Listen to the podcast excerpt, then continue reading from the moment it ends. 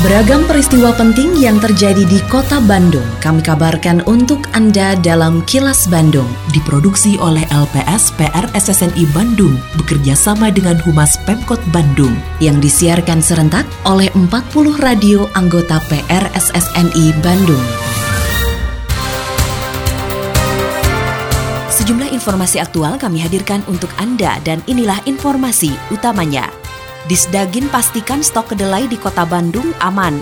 Sambut Hari Lingkungan Hidup Sedunia, Pemkot Bandung gelar uji emisi gas buang. PPDB tingkat SMA SMK di Jawa Barat terkendala akses internet. Saya, Santika Sari Sumantri, inilah kilas Bandung selengkapnya.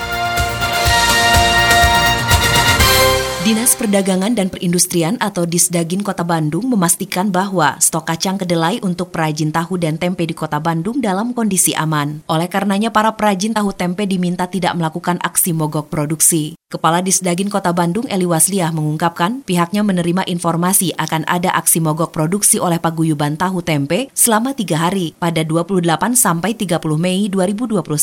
Aksi tersebut lantaran adanya kenaikan harga kacang kedelai. Eli mengakui kenaikan harga kacang kedelai terjadi secara global. Terlebih Indonesia masih bergantung dari pasokan kacang kedelai impor, sehingga ketika ada kenaikan harga secara global, maka berdampak di tingkat perajin tahu dan tempe di Indonesia. Meski begitu, Eli memastikan pemerintah kota Bandung melalui Disdagin berupaya menjaga harga kedelai di tingkat pengrajin tahu dan tempe, salah satunya dengan cara memutus mata rantai distribusi. Belum, belum bisa, belum bisa dalam arti kata operasi pasar ya, karena kan operasi pasar itu kan salah satunya adalah kewenangannya ada di Bulog ya. Nanti kita harus, ber, harus berkoordinasi dengan Bulog Subdivre Bandung ya. Makanya kita ingin duduk bersama dulu dengan para pedagang tahu dan tempe paguyuban. Sebetulnya tidak diharapkan ada mogok gitu ya kalaupun ada mogok ini adalah atas nama pribadi masing-masing, tidak atas nama paguyuban gitu ya. Nah, ini yang perlu kita luruskan.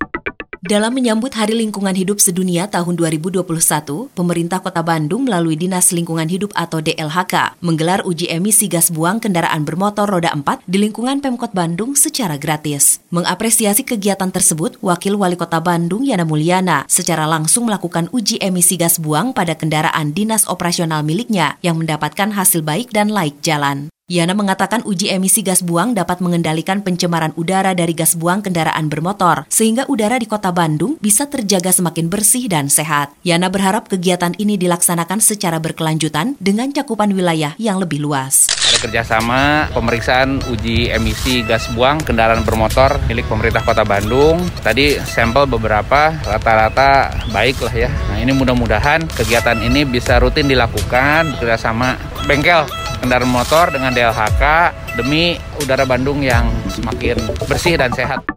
Penerimaan peserta didik baru atau PPDB 2021 tingkat SMA SMK di Jawa Barat tidak sepenuhnya bisa diakses internet sehingga pemerintah memberikan kemudahan bagi orang tua siswa untuk datang langsung ke sekolah tujuan. Wakil Koordinator 1 PPDB Provinsi Jawa Barat, Dian Peniasiani mengatakan pihaknya tidak menjamin orang tua siswa tidak datang langsung ke sekolah tujuan karena akses internet di setiap daerah berbeda. Bahkan di Jawa Barat masih ditemukan blank spot. Oleh karenanya sekolah diharapkan bisa memfasilitasi ruangan untuk sosialisasi PPDB dengan menerapkan protokol kesehatan. Selain itu, Dian mengaku orang tua siswa belum memahami sepenuhnya aturan baru PPDB SMA SMK tahun ini. Pasalnya ada perubahan aturan PPDB terkait jalur prestasi nilai raport yang pada tahun sebelumnya tidak diperlakukan. Tidak bisa dijamin semua orang bisa akses internet, tidak bisa dijamin 100% begitu ya. Tetap sekolah harus siap-siap menerima berbagai kemungkinan itu ada daerah-daerah tertentu memang yang masih blank spot gitu. Nah, yang baru itu kan kita juga diawali dari adanya perubahan di peraturan menterinya Permendikbud. Di antaranya adalah penggunaan ranking. Nah, tahun sebelumnya kan tidak ada ranking ya untuk seleksi jalur prestasi nilai raport. Gubernur Jawa Barat Ridwan Kamil meminta kepada perusahaan dan UMKM untuk segera memberikan vaksin COVID-19 bagi karyawannya secara mandiri melalui program vaksinasi gotong royong. Ridwan Kamil mengatakan dengan vaksinasi mandiri tersebut akan mempercepat herd immunity atau kekebalan kelompok yang mencapai 70 persen dari populasi. Untuk mengikuti program vaksinasi mandiri, perusahaan bisa mendaftar melalui Kadin Indonesia. Sementara bagi pelaku UMKM bisa mendaftarkan kepada Satgas COVID-19 di daerah masing-masing. Kemarin kan saya udah laporkan, saya menemani Pak Jokowi di Bekasi untuk memotivasi perusahaan-perusahaan segera memvaksinasi karyawannya dengan modal sendiri kira-kira begitu yang kita sebut dengan vaksinasi gotong royong. Tapi jatahnya masih sedikit, baru 420 ribuan yang tersedia se-Indonesia. Dan permohonan juga terjadi di UMKM. Nah UMKM-UMKM juga silahkan nanti ke Satgas daftarkan kalau dia sanggup untuk membeli vaksin gotong royong.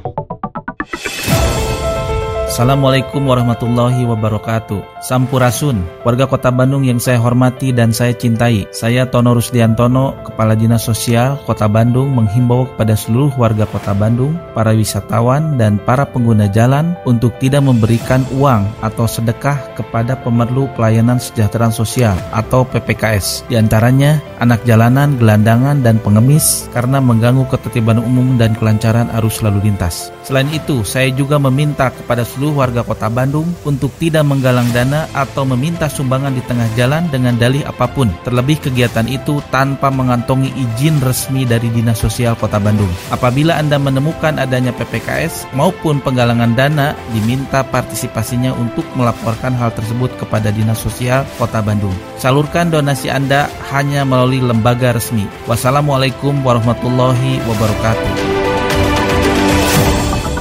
Aksi pembunuhan menimpa seorang pria berusia sekitar 50 tahun yang tewas mengenaskan di dalam ruko miliknya di Kompleks Kurdi, Jalan Kurdi Raya, Kecamatan Astana Anyar, Kota Bandung. Kasat Reskrim Polrestabes Bandung, Ajun Komisaris Besar Polisi Adanan Mangopang mengatakan saat ditemukan korban berada seorang diri di ruko tersebut, sedangkan istri dan anaknya berada di toko kelontong miliknya di Jalan Cibadak, Kota Bandung. Dugaan sementara yang bersangkutan merupakan korban pembunuhan. Hingga saat ini penyidik masih mencari barang bukti serta memintai keterangan sejumlah saksi, sedangkan korban dibawa ke kamar jenazah Rumah Sakit Polri Sartika Asih Bandung untuk dilakukan otopsi. Rekan media sekalian bahwa hari ini terjadi penemuan mayat dugaan sementara yang bersangkutan merupakan korban pembunuhan.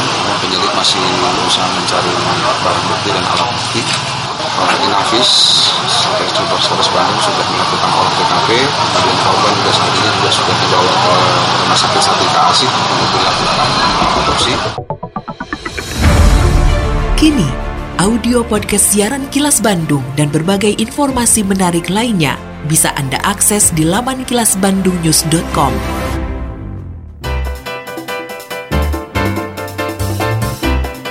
Berikut sejumlah agenda kerja para pejabat Pemkot Bandung Jumat 28 Mei 2021.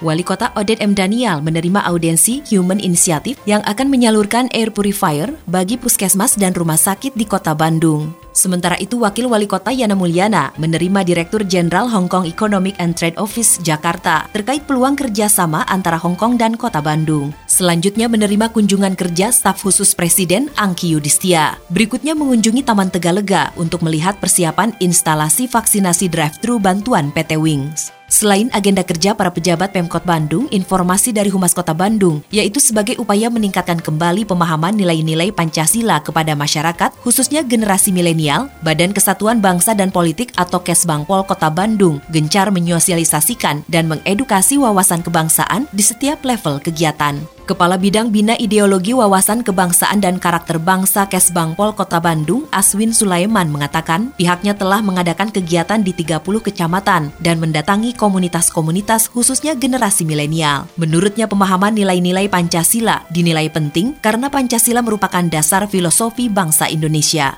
Demikian agenda kerja para pejabat Pemkot Bandung dan info aktual yang diterima redaksi LPS PR SSNI Bandung dari Humas Pemkot Bandung tetap patuhi protokol kesehatan di masa adaptasi kebiasaan baru untuk memutus penyebaran COVID-19. Selalu memakai masker, mencuci tangan, menjaga jarak dan menghindari kerumunan, serta mengurangi mobilitas agar terhindar dari terpapar virus corona.